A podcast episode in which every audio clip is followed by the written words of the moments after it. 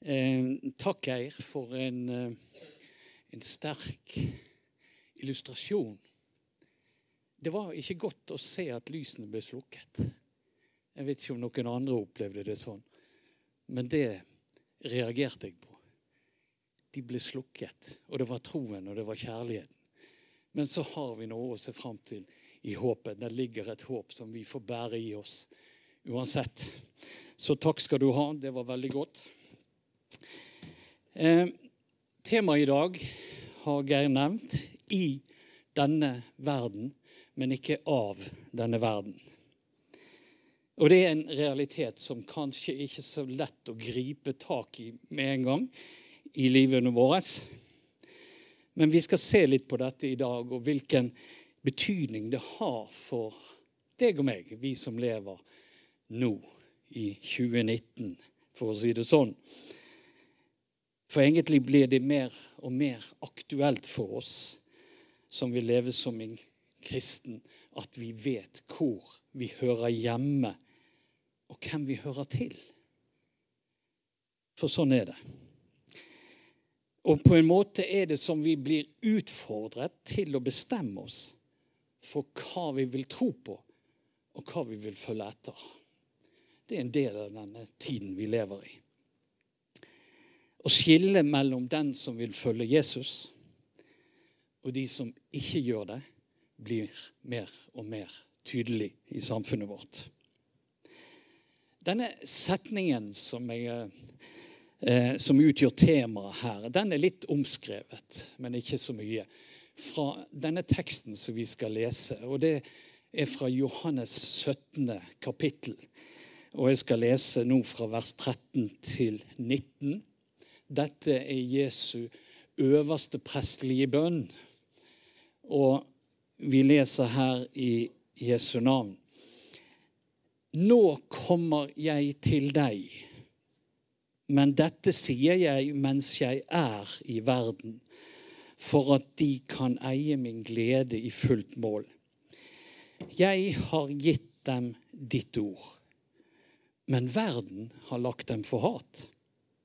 For de er ikke av verden, liksom jeg ikke er av verden.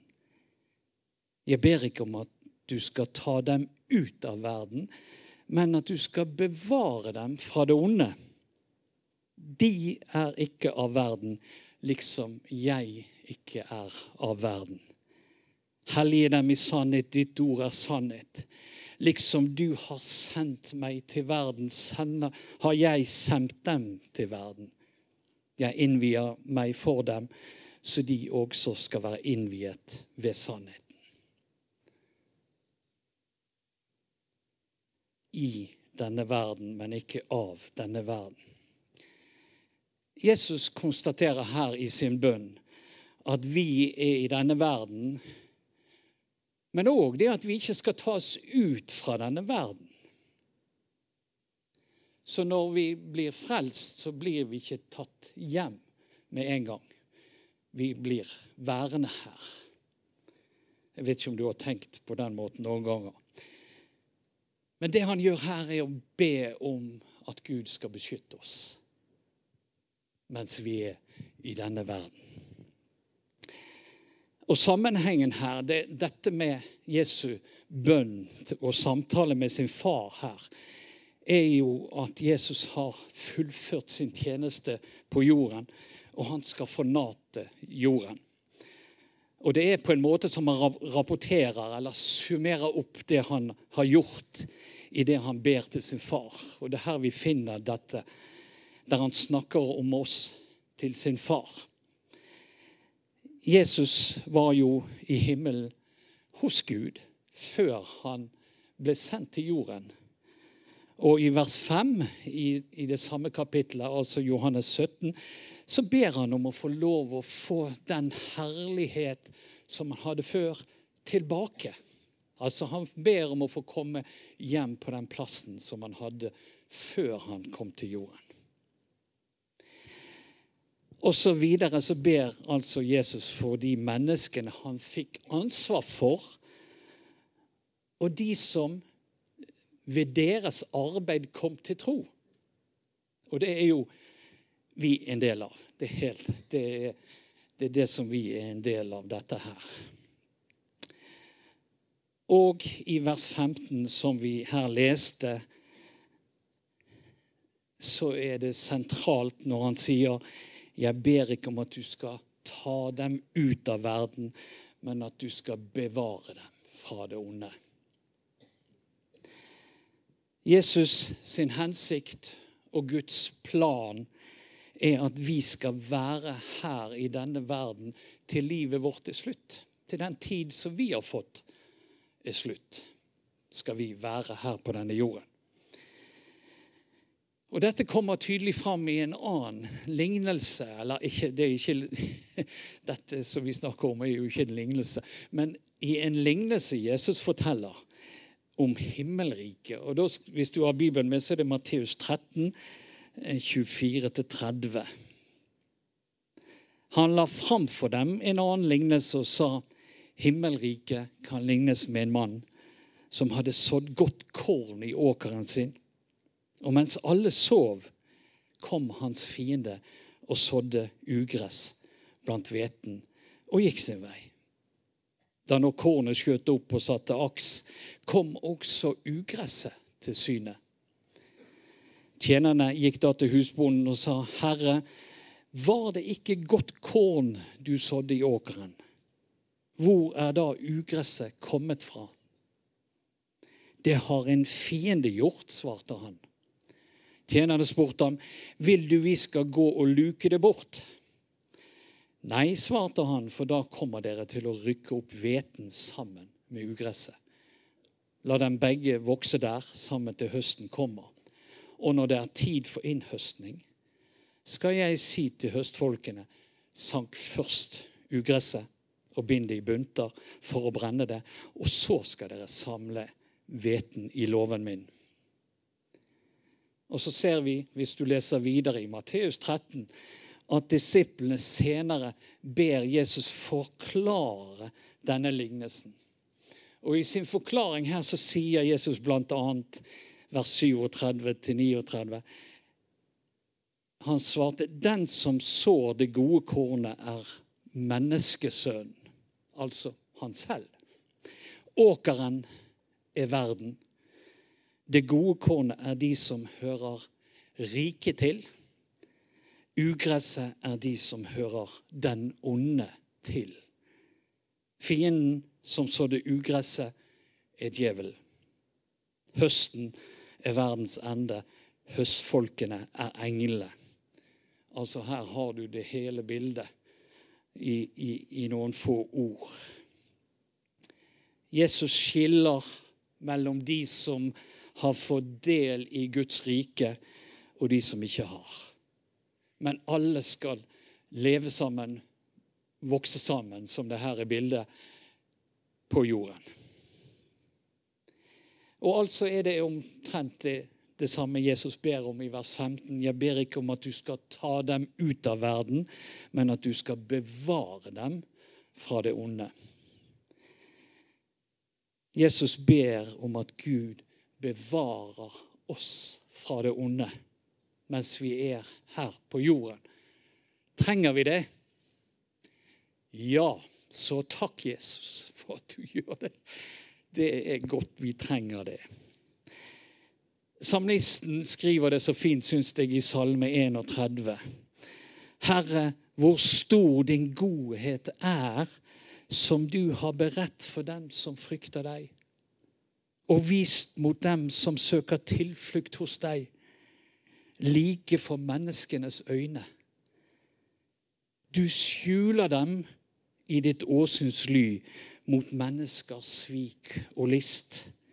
Du gjemmer dem i din hytte mot angrep av onde tunger.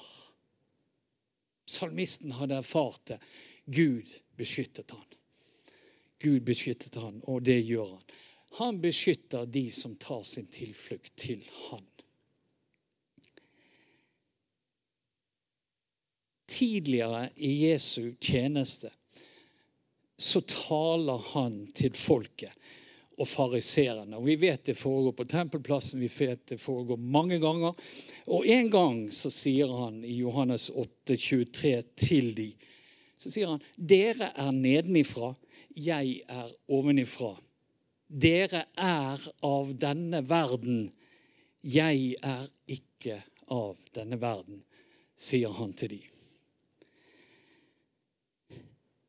De skjønte ikke så mye av det. Men som vi har lest i teksten i Jesu øverste prestelige bønn, så har altså noe endret seg her. For det har skjedd noe med noen av de menneskene som Jesu møtte. Og i versene 6-8 i Johannes 17 så forteller Jesus oss hva som har skjedd når han snakker med sin far. For han sier, 'Jeg har åpenbart ditt navn for de menneskene du ga meg fra verden.' De var dine, og du ga meg dem. Og de har holdt fast på ditt ord. Nå vet de at alt som du har gitt meg, er fra deg. For jeg har gitt dem de ord du ga meg, og de har tatt imot ordene. Nå vet de i sannhet at jeg er gått ut fra deg, og, og de har trodd at du har sendt meg. Så fra Jesu tjeneste begynte, så har mennesker funnet fram. De har hørt ordet han forkynte, og de har tatt imot det. Og det er det som har skjedd i Jesu tid her på jorden, ikke sant? Som det som gjør at vi ikke er av denne verden, det er at vi har tatt imot Guds ord, og vi har trodd på Jesus. Det er det som gjør at, vi, at han sier om oss at vi ikke er av denne verden. Men kanskje den viktigste grunnen som forteller oss at vi ikke er av denne verden, er at vi er kjøpt fri fra denne verden. Jesus har kjøpt oss fri. Og dette finner vi i, i det synet, den åpenbaring som Johannes fikk når han var på Patmos. Og I dette synet så befinner Johannes seg foran Guds trone i himmelen. Kan du se det for deg? Der han står. Og du har sikkert lest dette her i Johannes' åpenbaring, eh, kapittel 5. Der leser vi om at Johannes opplever eh, Eller han gråter egentlig sårt for at ingen er funnet verdig til å åpne boken med de syv seil. Men så får han høre at det er en som er verdig til å åpne, og at Jesus er den som er verdig til å åpne boken. Og Nå er vi inn i det som ligger i framtiden, det som vi ikke har sett ennå, men det som kommer, som er en del av avslutningen på alt. Der blir Johannes vitne til at Jesus blir løftet opp foran Guds trone som den som er verdig. Og så står det at de fire vesener og de 24 eldste, altså de som er samlet rundt Guds trone, de faller på kne, og så tilber de Gud. Og så tilber de Jesus her. Og så står det at de synger en sang. Og hør teksten i denne sangen her. Verdig er du til å ta imot boken og åpne seilet på den. For du ble slaktet og har med ditt blod frikjøpt for Gud mennesker av alle stammer og tungemål, av folk av alle nasjoner. Dette er det Jesus har gjort for oss. Dette gjorde han når han døde på korset. Da kjøpte han oss fri fra denne verden. Vi er kjøpt til frihet. Prisen er betalt. Han betalte med sitt blod, med sitt liv. ikke det fantastisk? Det er det som har skjedd med oss. Og det ser vi at foran Guds trone, som Johannes får se der, tilbes dette. Der løftes dette opp. Og vi vet at Paulus han bekrefter det i første kor 6. Vet dere ikke at deres legemer er et tempel for Den hellige ånd, som er i dere, og som dere har fått av Gud? Dere tilhører ikke lenger dere selv. Hør på det der. Dere tilhører ikke lenger dere selv. Dere er kjøpt, og prisen betalt. Bruk da legemet til Guds ære. Så egentlig har ikke vi råderett over vårt eget liv. For Herren har kjøpt oss fri. Han har kjøpt oss og betalt oss fri. Og vi kunne snakket mye om det. Så vi har egentlig et slavestatus. Vi er helt avhengig av Han. Og det er Han som må få styre og lede våre liv, sier Paulus her. Vi tilhører nemlig Jesus og det riket han kom for å opprette. Så Jesus gjorde oss til et rike, ja, et kongerike, og til prester for vår Gud, står det. Åpenbaringen 5.10. Til et kongerike har du gjort dem, altså de som han har kjøpt fri, og til prester for vår Gud og de skal herske på jorden. Vi tilhører et kongerike der Jesus er konge, og vi er prester. Vi skulle ikke, som vi leste tidligere, ta oss ut av denne verden når vi fikk del i dette riket. Nei, vi skulle være der, og vi skulle være Guds prester. For vi skulle vitne, og vi skulle få flere med oss inn i dette riket, er Guds tanke og plan med oss. Og i teksten som vi leste eh, i,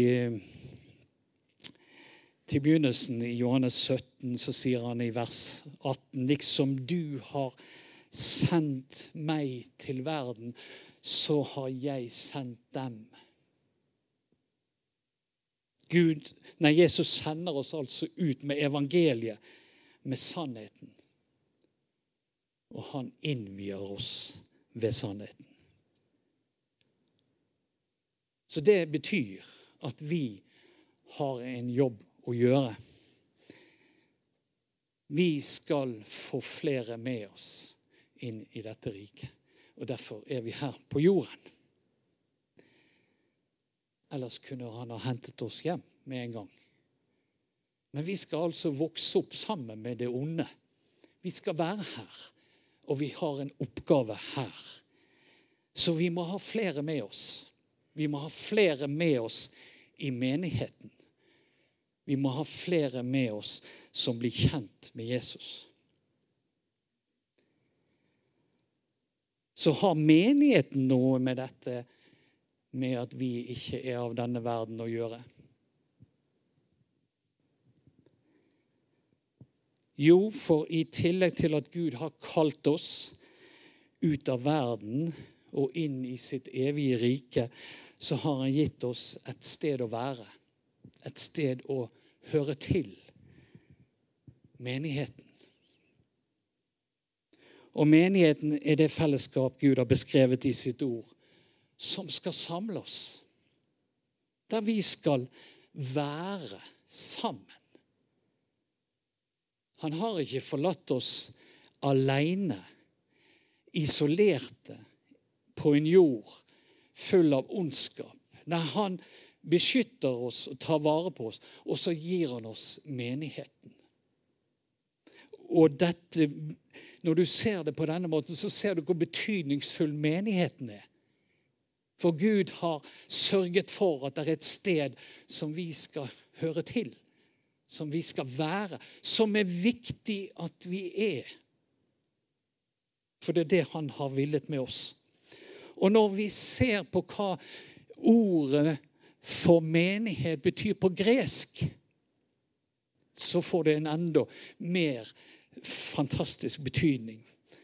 For der betyr ordet å kalle ut, eller utkalt.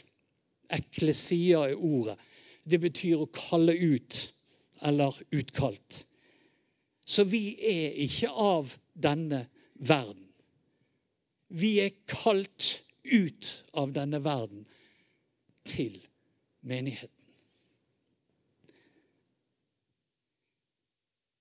Og det gjør at vi trenger ikke føle det som noe vanskelig å være fremmed i denne verden. Og ikke være av denne verden. Det å være fremmed. Vi trenger ikke føle det som vanskelig i livet. Det å ikke skulle tilhøre, eller la det som er i verden, være fremmed. Fordi at vi hører til. Vi har et sted å høre til. Vi hører til i menigheten. Til menigheten i Efesos så sier Paulus i 2,19.: Altså er dere ikke lenger fremmede og utlendinger, men dere er de helliges medborgere og tilhører Guds familie.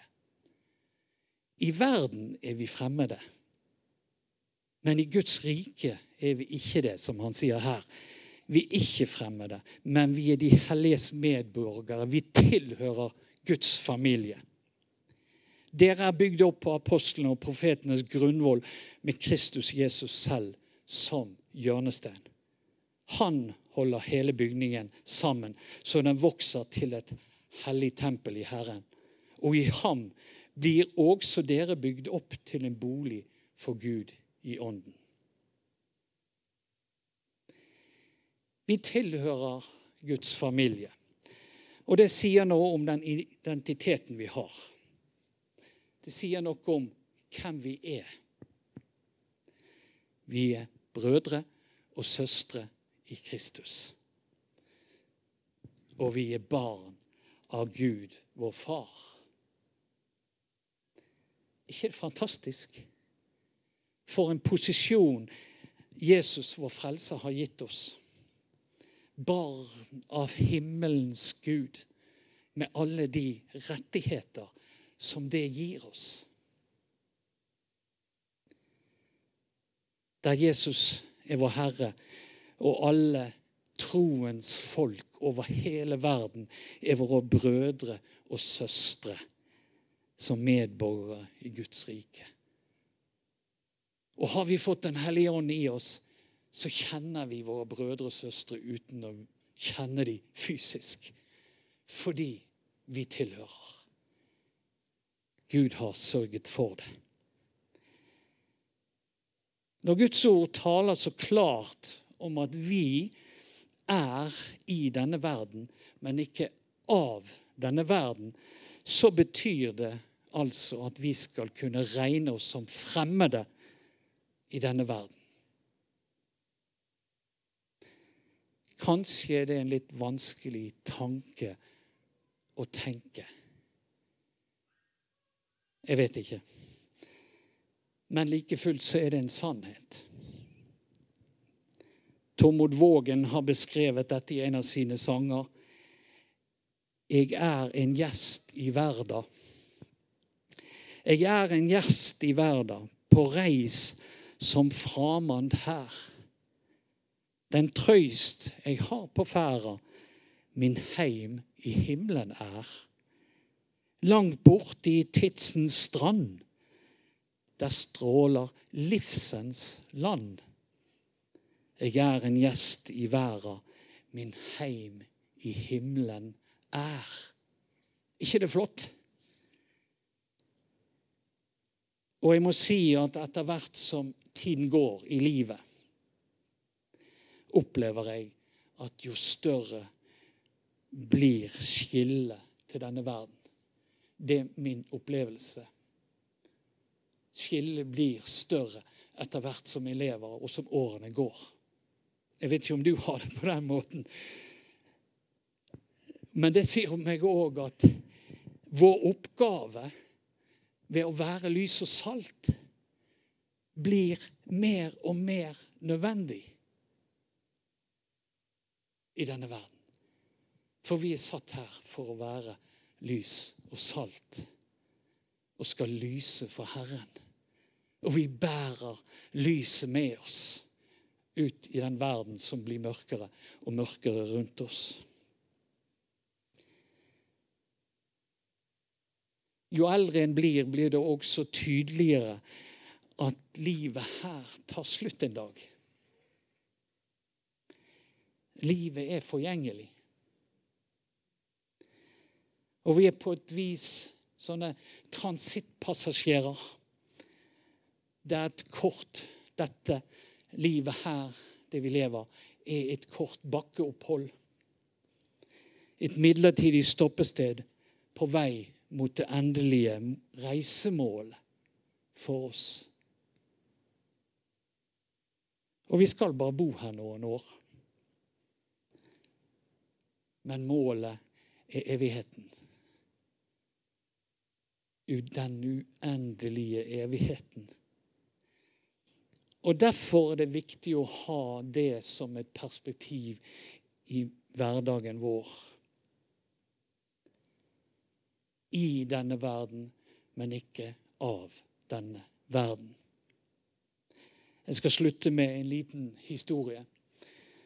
En amerikansk turist besøkte en russiskfødt rabbiner som kaltes Hofset Chaim.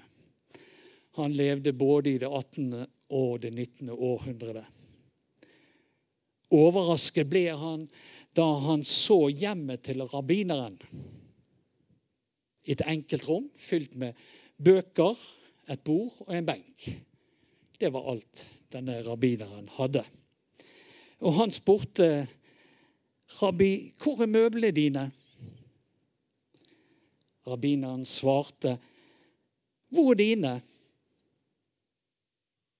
Mine, spurte den forvirrede amerikaneren. Men jeg er på besøk her. Jeg er bare på gjennomreise.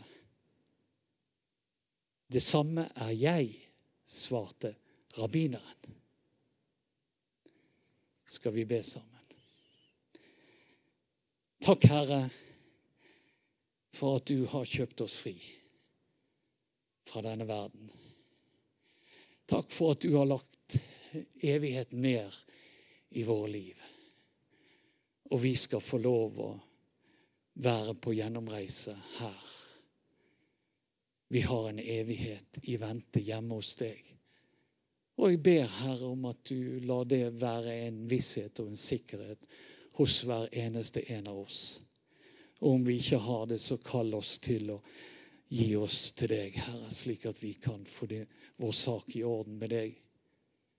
Takk for at du har gjort alt ferdig for oss. Og vi skal få lov å reise hjem til deg, Herre.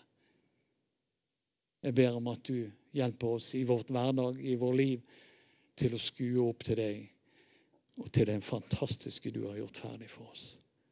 Ja, vi lover og priser ditt hellige navn.